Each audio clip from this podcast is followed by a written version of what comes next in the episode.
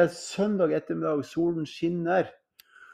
Og det er lenge siden jeg har laga podkast. Det har sin grunn, og det er at jeg har uh, skrevet intenst i flere uker.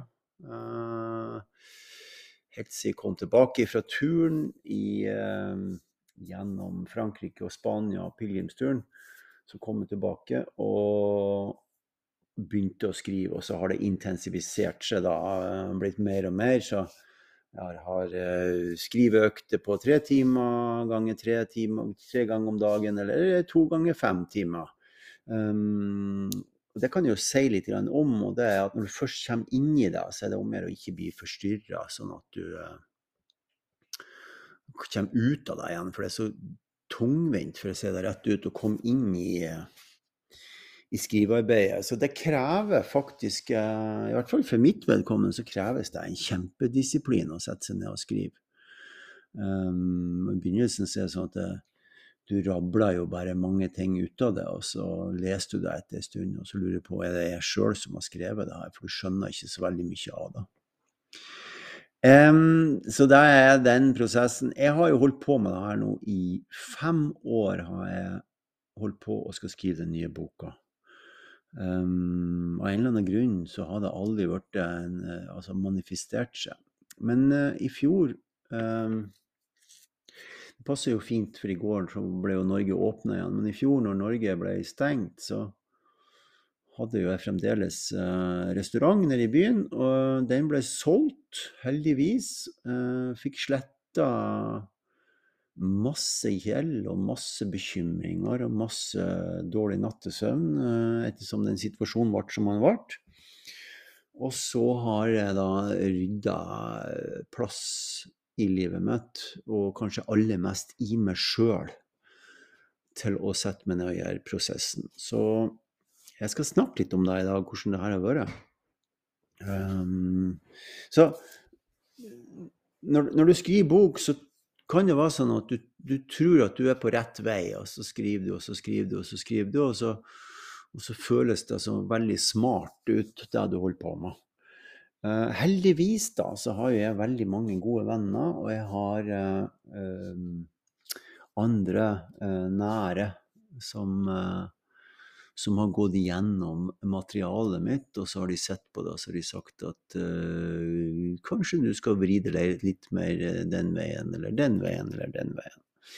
Um, I alle fall um, Det gjorde nå at jeg tok en beslutning om at denne skal faktisk bli ei bok uh, som skal bli ferdig i år. Den blir gitt ut, den er bestilt trykking på.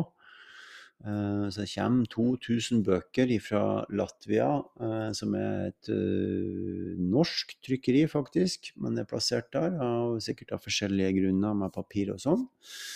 Um, og samme som Cappelen Dam og Aschehoug og alle de store trykkeriene trykker bøker skjønner på. Um, så jeg har Um, hvis jeg stopper litt frem og tilbake, så er det fordi jeg sitter alene og gjør podkasten. Jeg tenkte det var fint. Jeg, egentlig, jeg, skulle egentlig hatt noen som har stilt meg spørsmål, men, men det får bare være. Så det, får du være med. Har du noen spørsmål, så får du heller sende dem til meg, så kan jeg ta deg ved neste anledning. Anyway um, Jeg har um, bestilt trykking, som jeg sa, uh, og i den beslutningsprosessen så kom jeg tilbake til uh, min redaktør, som jeg har hatt på to bøker før, Karina. Uh, fantastisk flink, uh, oppegående dame som, som kjenner metoden med de ni, og så kjenner hun meg også og vet hva jeg er god på, og hva jeg er sykt dårlig på når det gjelder å skrive bøker. Og så har hun de kvalitetene som skal til for at uh, det her blir ryddig og ordentlig. Ok, Så alle beslutningene ble tatt, og så har jo vært frem og tilbake, som jeg sa, om hvordan den boka her skal bli. Det som jeg skal snakke om i dag, det er rett og slett uh, den enorme forskjellen det er mellom de ni forskjellige livsenergigruppene. Um, jeg er jo så heldig at boka har tatt en en ny retning, en endring i, i, i seg sjøl. Og det gjør at jeg har fått med meg mellom 27 og 30 stykker som er med og skriver sin egen livshistorie. Så jeg har da tre eller flere på hver av de ni som har skrevet om uh, sin Altså sitt forhold til sin livsenergi. De har skrevet om sin utvikling i forhold til å eie sin livsenergi. Um, og, og, den betydninga altså Få den ånden inn i boka av at uh, de er den energien som, som, som eier kan du si, det kapitlet, har jo endra hele boka. Så det, det, kommer til å bli kjempe, kjempe, kjempeflott når jeg får gjort den ferdig. Så det som skjer nå, da, det er jo at folk sitter hjemme og har, ja, altså Folk sitter hjemme og skriver, og så sender de det til meg, og så blir det gjennomlest, og så får de det i retur, og så, og så og blir det her redigert, og så blir det ferdig med kapitlene fra én til ni. Så um, bare for å si litt om de forskjellene. La, la ta, uh, jeg, jeg, tror jeg skal begynne med et av de tingene som Og alle kapitlene har fascinert meg like mye. Men uh, jeg fikk to syvere i, altså i livsenergigruppe sju, da. Uh, de som er type 7, livsenergi 7, de som eier det her i seg, som har hatt det visst om den kunnskapen i lang tid, trent på det, øvd på det. Så to stykker som jeg står med nær, har, har uh, skrevet om det. Og, og, den ene er jo Polo i USA, i Boston i USA, som har fulgt med. Jeg har fulgt han i 20 år. Og så er det Galina. Så han skrev jo da på, på amerikansk, og så har vi fått det oversatt til norsk, også inn i, i teksten. Eh, nei, inn i kapitlet. Og så har vi jo Galina, som skrev på bulgarsk. Hun er fra Bulgaria. Enormt interessant. Og så la vedkommende få lov å formulere seg i det språket som er deres eget. Um, så det var, altså Bulgarsk er jo sånn, det ser nesten sånn russisk ut i formen, så det skjønner man jo ingenting av før man får det oversatt. Men en utrolig spennende historie.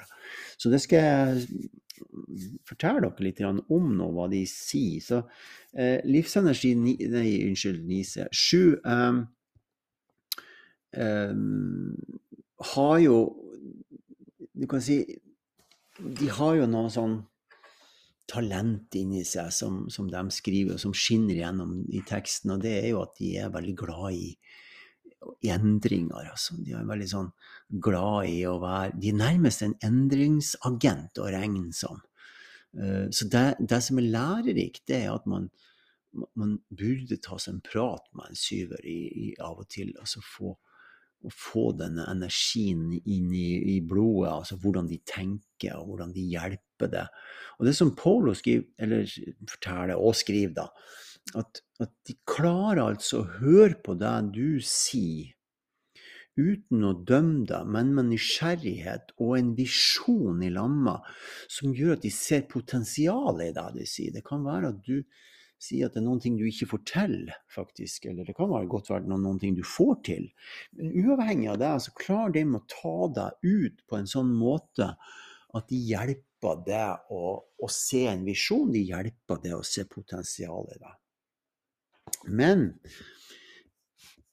her er det noe som er artig. Altså, hun, så hun Uh, jeg skal selvfølgelig få lese om når boka kommer. Da. Uh, dette er jo veldig mye som er skrevet. Men hun, Galina som syver, hun hun sier da at hun kan en, Hun som syver, hun kan faktisk fortelle det her og være sammen med en annen person så inni deg, inni denne visjonen, at den andre personen får så troa, altså ser så klart denne visjonen foran seg, at hun av og til må begrense seg sjøl når hun gjør det. Fordi at det har lett for at den vedkommende eh, blir som man detter ned fra taket når det går opp for dem at, at, at dette er ikke realisme i. Um, så på den ene sida så har de en, en, en veldig sånn eh, ønske om å være endringsagent og, og, og fortelle om og hjelpe til å se visjoner. På den andre sida så har de en dyp, dyp, dyp respekt for andre menneskers eh, altså mulighet til å oppnå visjon. Og det var en ting, det var faktisk ikke jeg klar over, at de var så um, nærmest skjør på det området at de det er ikke alltid de, de, de kan se potensialet noen, men det er ikke alltid de kan fortelle dem det, fordi det er for usikkert om vedkommende er i stand til å, til å ta ut potensialet sitt. Det er, de, det er, de, faktisk litt bekymret for av og til. At, uh, at de kjører på for hardt, og så, og så får ikke den andre helt til det. En, uh, utrolig spennende eh, egenskap. Og så er det sånn at um, for, Eller grunnen til at det er sånn på den ene sida, det er jo at um, de har optimisme, de skriver om det. De har altså optimisme som et standardelement i virkelighetsoppfattelsen sin. Altså de ser muligheter og merker at du har talent for, og hva du kan utvikle det i. Og, og, og, og, det gjør de også med seg sjøl, og på den måten så har de en sånn, den optimismen gjør at de velger det, best, altså det beste alternativet. Hvis la oss si det var ti forskjellige alternativ for å komme seg fra A til B, så vil en syver velge det beste alternativet. Men så kommer jo det som eh, utfordringa deres, da. Det er at de har lett for å bli distrahert på veien. Og fordi at de har lett for å bli distrahert på veien, så er de varsomme det i forhold til andre når de presenterer en visjon eller potensial i noen andre, sånn at øh, ikke det blir for mye for dem. Eh, jeg skal ta og lese ifra én ting som jeg syns er veldig flott skrevet av hun, uh, Galina, som uh, Galina Georgieva heter hun, fra Bulgaria. Livsenergi 7 og har holdt på med dette. Har Vært på mange mange, mange NJ-samlinger og trent og meditert. og Skal for øvrig ha barn nå snart. Veldig hyggelig. Hun skriver det her. Min sterkeste side i krisesituasjoner Altså mitt, min sterkeste side er i krisesituasjoner der folk trenger hjelp til å finne en løsning på et problem. Men for å kunne gjøre jobben min godt, må jeg ha et solid informasjonsgrunnlag som jeg kan stå på eller stå for. Deretter ordner jeg denne informasjonen logisk med fakta og detaljer, slik at en praktisk tall kan brukes etter at jeg har sagt eller vist den. Det var litt av det jeg snakka om i stad. Det må være i, visjonen så må det være en form for realisme i det, som de får det til. For å få en rimelig vurdering av tingene jeg snakker om, må jeg ikke være følelsesmessig involvert i situasjonen eller personen. Tenk på det. Så hvis de er for, syverne er for følelsesmessig involvert i en situasjon, så mm, klarer de ikke å være like klar på selve visjonen. Det er spennende. Jo mer balansert jeg oppfører meg, jo mer logik, logisk og konstruktiv jeg er, altså vurderingen hennes er, jo bedre er det. På den måten har jeg kontroll over meg selv og situasjonen jeg er i. Hvis jeg blir følelsesmessig involvert, mister jeg øyeblikkelig kontroll og logikk. Og Hvis du ser på spennet da, fra syv og så tilbake til fire, som er helt omvendt. For de må være følelsesmessig involvert i. Hvis ikke så mister de kontrollen. Så, så, så, syv som ligger i tredje øye, og, og fire som ligger helt nede mellom uh, Altså i, i harachakraen nede under uh, under navlen, så er jo det en veldig stor avstand i kroppen, og det er de to energiene eller to av de energiene som er lengst borti fra hverandre. Det er jo samme med fem og åtte òg. Toppen på hodet eller nakken, og så ned i korsbeinet, som er åtte. Så her er det ekstremt spennende å se på den forskjellen det er på inngangsporten da, inn til sin ressurs. Så inngangsporten inn til ressursen til sju er at de ikke kan være følelsesmessig engasjert. Og inngangsporten til fire er at de nettopp er det. At de følelses, at de kjenner følelsen av hva du holder på med. Eller kjenner følelsen av seg selv, hva de holder på med. Så er det at syv har det helt annerledes. De kan ikke være følelser, men de må være logiske og klare følelsesmessig i seg sjøl for at de skal kunne se disse visjonene og ha det klart for seg. Så litt grann til, men jeg skal ikke avsløre for mye av, av teksten, for det, det skal få lese når boka kommer. Men bare sånn for å ta en liten sånn avslutning på det på Sjuma og Kalina. Og si også da at hvis tanken og kroppen min ikke er i balanse, så løper hun bare fremover, akkurat som hun løp hun løper etter eh, hodet sitt, altså etter visjonen eller etter tankene sine.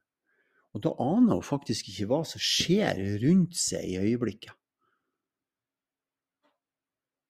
Jeg tar gang til. Så hvis tankene og kroppen min ikke er i balanse, så løper jeg bare fremover, akkurat som en hund løper etter pølser som henger på ei snor. Så jeg løper etter sin ene tanker. og da aner hun ikke Og så mister jeg helt oversikten over hvor hun er. Men så sier hun da at når hun er fullt aktivert, hvis altså hun går inn i posisjon eller er fullt aktivert til stede i sin energi, så stopper alle tankene i hodet sitt i en viss periode. Og da kan hun føle kroppen, hvor balansert den er. Så Derav er det sånn at syverne har så lett for å lære seg nye ting når de konsentrerer seg, for da får de med seg kroppen sin. Da kan hun kjenne energistrømmen bevege seg gjennom hele seg. Da er hun til øyeblikket Nei, det er hun i det øyeblikket helt til stede med hele sin essens. Og hun er sammen, altså hun er totalt sammen med det som skjer ser alt, får med seg alt i seg sjøl og i prosessen rundt henne. Så um, det, var, det, var, litt om det. og Galina har skrevet masse. Det er veldig spennende. Men det var litt for å få en liten smak om det. Jeg syns det er så spennende det her at jeg får lyst til å dele litt om det. Uh, så det var litt om syv, livsenergi sju, og det som hun, uh, Galina skriver. Så er det en annen ting som er veldig spennende. Um, dette er Paolo som, uh, som sier noen ting om det her. Og det er at en av de tingene som livsenergi syns er noe av det beste de vet, er å bli invitert. Altså, de blir invitert med på ting av andre. Da, seg, da er det da de føler seg anerkjent og inkludert. Og jeg forstår det, fordi at de har en såpass um, nysgjerrig energi at de blir fort med på ting. Altså, de inviterer seg selv med på ting. For de er såpass raske på å være der ute eh, på ting som skjer, og er nysgjerrig. Så det motsatsen her er at de blir invitert. At de blir eh, ja, bedt på bursdag, bedt meg på noen ting. F.eks. Eh, både Galina og, og, og Polo er svært stor anerkjennelse. Syns de da at de blir invitert med inn og skrive dette kapitlet, da? Så det var litt om, eh, det var litt om Paulos historie. Han har jo skrevet masse nye, jeg vil ikke si nye, spennende ting, fordi at det er så rent det han har skrevet. Um, og apropos rent, da skal jeg flytte meg over til uh, en helt annen energi, som er én. Uh, sitter jo også oppi hodet. Nå var vi på syv, jeg snakka litt om fire. Uh, og så går vi på livsenergi én. Um, da skal jeg ta opp dokumentet. Egentlig skulle jeg hatt litt pausemusikk nå, men det har jeg ikke. Så jeg går inn på, på historien, Og så og Der er det Anders Buvarp som har uh, gjort en uh, fremdragende innsats. I lamma tre andre enere. Det er jo Camilla sitter og skriver nå. Uh, Tor Åge, broren min, han har begynt å skrive. Og så har Baba, som i, har skrevet litt av sin historie. Og nå får vi jo en helt annen energi, en helt annen livsenergi sin bevissthet. De har jo en egen evne til å se det vakre, nydelige vesenet i øynene til andre. De er lett å være sammen med. Liker jo å være pinlig nøyaktig. Hjelpsom, balansert. Veldig høy integritet. Når jeg sier integritet, så tenker jeg det er fint å det blir også presentert i boka. da med um, Altså Åtte har jo integritet i kroppen sin. Du merker det. Så de har kroppslig integritet. Og så har de uh, livsenergi 5, da, som har en mental integritet. De er veldig nøye med ordene de bruker, sånn at det blir riktig og, og ordentlig. Eh, det de sier, at det er sammenheng mellom det de sier og det de gjør. Og så har du um, um, en da, som Anders snakker om, Anders Buvarp, som er en her, som snakker om denne høye integriteten som de har i forhold til etisk og moralsk oppførsel. Hvordan vi oppfører oss, hvordan vi gjør ting, hvordan vi snakker med stemmen vår, hvordan vi ter oss, hvordan vi kler oss. Uh, hvordan vi presenterer ting, at vi er godt forberedt. Uh, så det, det, er deres alle, alle, energiene har jo forskjellig type integritet. Så um, Det som har vært spennende med, med, med prosessen med én, det er at um, han, Anders han har vært inne og ute av dokumentet i, i, i, i uh, flere måneder. Han har, han har fulgt meg, han har sett på endringer, sett når jeg har vært inne. Han endra et ord her og et ord der. Så en sånn pinlig nøyaktighet. Uh, en annen ting som er et godt eksempel med Anders, er at han sier til meg en kveld vi er og spiser middag sammen, så sier han at Eh, de tegningene eh, du har, eh, de burde du ikke bruke. For de er ikke rett. Så sier jeg hva mener du med det? Nei, den tegninga på én på meditasjon som du brukte i den første meditasjonsboka, ser ikke ut som en ener, det ser ut som en femmer som er plassert på kroppen til en ener. Ok, Så da kan vi ikke bruke det. Det er veldig fint med den boka her. Det er at alle sammen har blitt tatt inn til betraktning. Så når Anders sier det, så ok, da er det tilbake til uh, ny tegner, og det blir tatt nye bilder, og det blir tegna ut nye figurer, så det blir korrekt sånn som det skal være. Så da kan du tenke på uh, hvor spennende det er å gå gjennom dette materialet med alle sammen. Og uh, les det, hør historiene, uh, vær sammen med deg eh, intervju dem. Det er noen som har blitt intervjua, det er noen som har skrevet sjøl. Og så har vi samla det sammen, og så blir det da den ånden som er i hvert kapittel. Eh, jeg skal ta litt til mer om én, og så, og så um, får vi se hvor lenge jeg holder på i dag. Jeg tenker at jeg skal begynne sånn smått å ta opp uh, dette her eh, fantastiske, spennende verktøyet som podkast er. Jeg syns det er nydelig å sitte og snakke. Håper at jeg får intervjua noen flere etter hvert. Men uh, nå har det jo vært en, en, superkonsentrert tid for min del med å holde på med boka, som, uh, som, som begynner å ta form. Men eh, bare sånn, altså, dette med nøyaktigheten med han Anders er jo spennende. Og så har jeg kjent han eh, Baba, som jeg kaller han da. Han heter Babakar Ba. Og han er jo fra Senegal, så nå er vi på en annen plass i verden. Men han er også livsenergi igjen.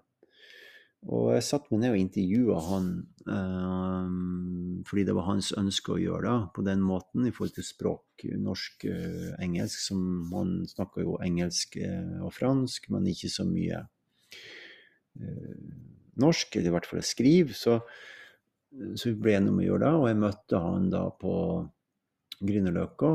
og satt i noen timer sammen så jeg intervjua han, og så skrev jeg det, tok det opp på